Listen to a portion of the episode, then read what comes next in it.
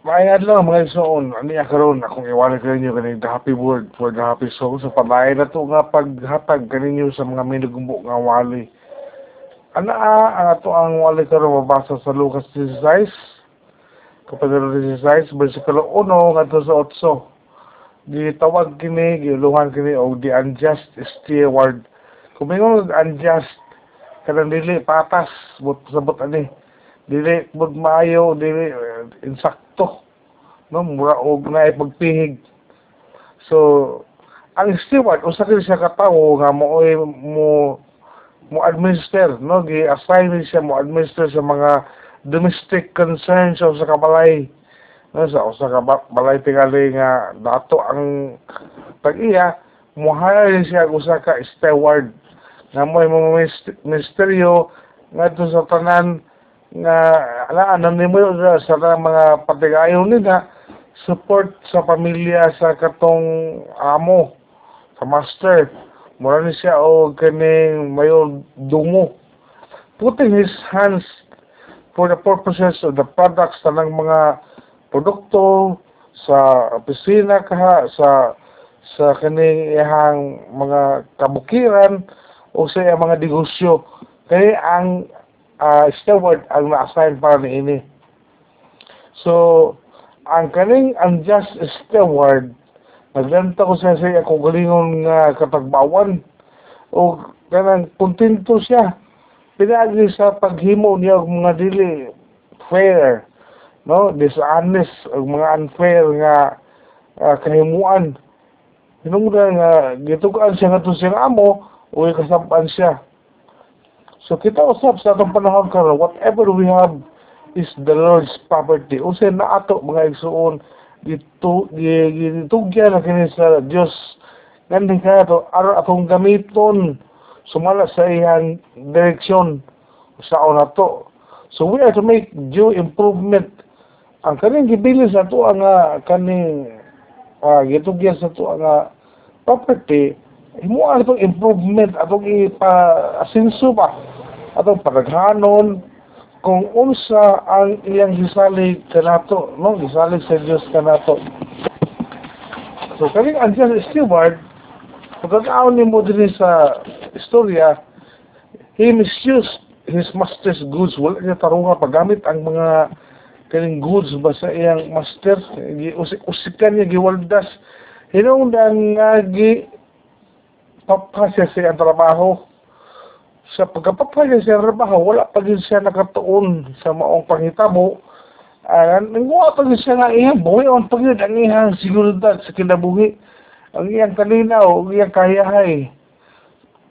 Ka, nga wala na siya sa trabaho, pinaagi sa paghimo, pagpadayon sa dili pagid na tarong nga gihimo samtang na siya sunod sa iyang agalon sa iyang dishonesty and justice mas nisamot mahinuon na yung gihimo So, atong hinundoon mga igsoon nga kung usa magali atong buhaton, we are to give account ngadto sa akong agalon.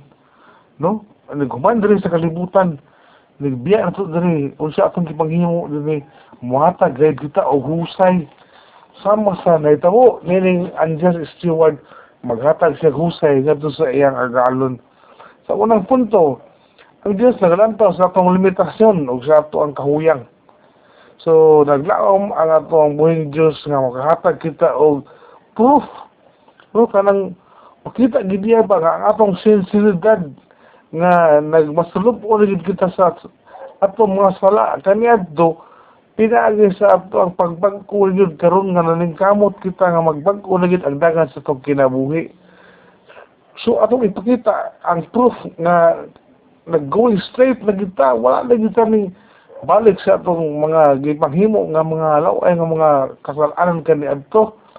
Dahil wala na po na nagpadayon sa pagpakasala. Going straight na kita mo ni ang gusto ng taon sa Diyos kanato. So Lord nag-expect ang buhing Diyos kanato nga musunod kita sa mga prinsipyo o sa mga panag-ingnan sa iyang bugtong anak atong Ginoo sa Ginoo sa Kristo we are to follow His principles nga may gugma sa isig katao o magpakita sa pagkamapahay obsanon. mo ni nindot kay mga igsuon sa sunod nga punto no mo lang ni God boast our limitations our weaknesses. Sa ato ang pagka limitado lang ato ang pagkatao dahil huyang mo ta gi sangkapan kita sa atong buhay Diyos o mga talento kita sangkapan kita niyang mga abilidad o mga skill.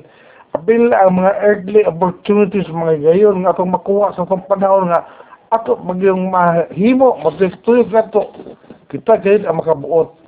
So niini mga isuon kinahanglan magtuon kita nga gamiton nato kini alang lamang sa iyang himaya. O dili ato ah. O ato pa rin panikamutan nga masiguro na to ang ato ang eternal welfare kung asa kita padulong dili kay usik-usikan na po nato ng talent kay maayo kita nini uh, wala ato buhata alang sa insaktong katuyuan nga makahatag gayon og himaya sa Dios gusto sa Dios ikaduha nga makita na to siya din na sa iyang mga gasa nga gitugyan ngani kato nga gihatag ngani kanato pinagi sa pagbuhat na to nini uh, uban ang maayong pangunahon na nga si Ginoong Kristo nagiya naghatag na to kusog sa paghimo nini sa matag adlaw dili kay magpasagad lang ta og himo pasagad lang ta og mga mga unsa din nga barog pasagad tag lihok.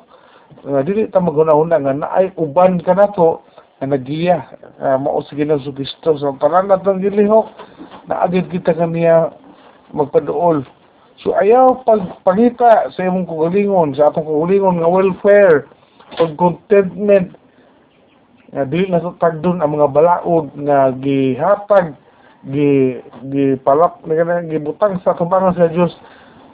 Dira kanato nga angay na tong sundon. So itong pag tapos na ini, atong i-prove, no? atong ipakita din sa Dios nga nagyugma kita kaniya, pinagay sa atong mga lihok, kaysa ato ang mga pulong lamang may na musulti. Adil na buhaton. Ug bantay na mga igsuon nga siya kanunay. Ang nga presensya ana sa atong kinabuhi. Lalagaw ni Diyos ni kabuntagon iya lamang ang dungog ug himaya. Salamat sa pagmaminaw. Kini ang iyong kuya Mike.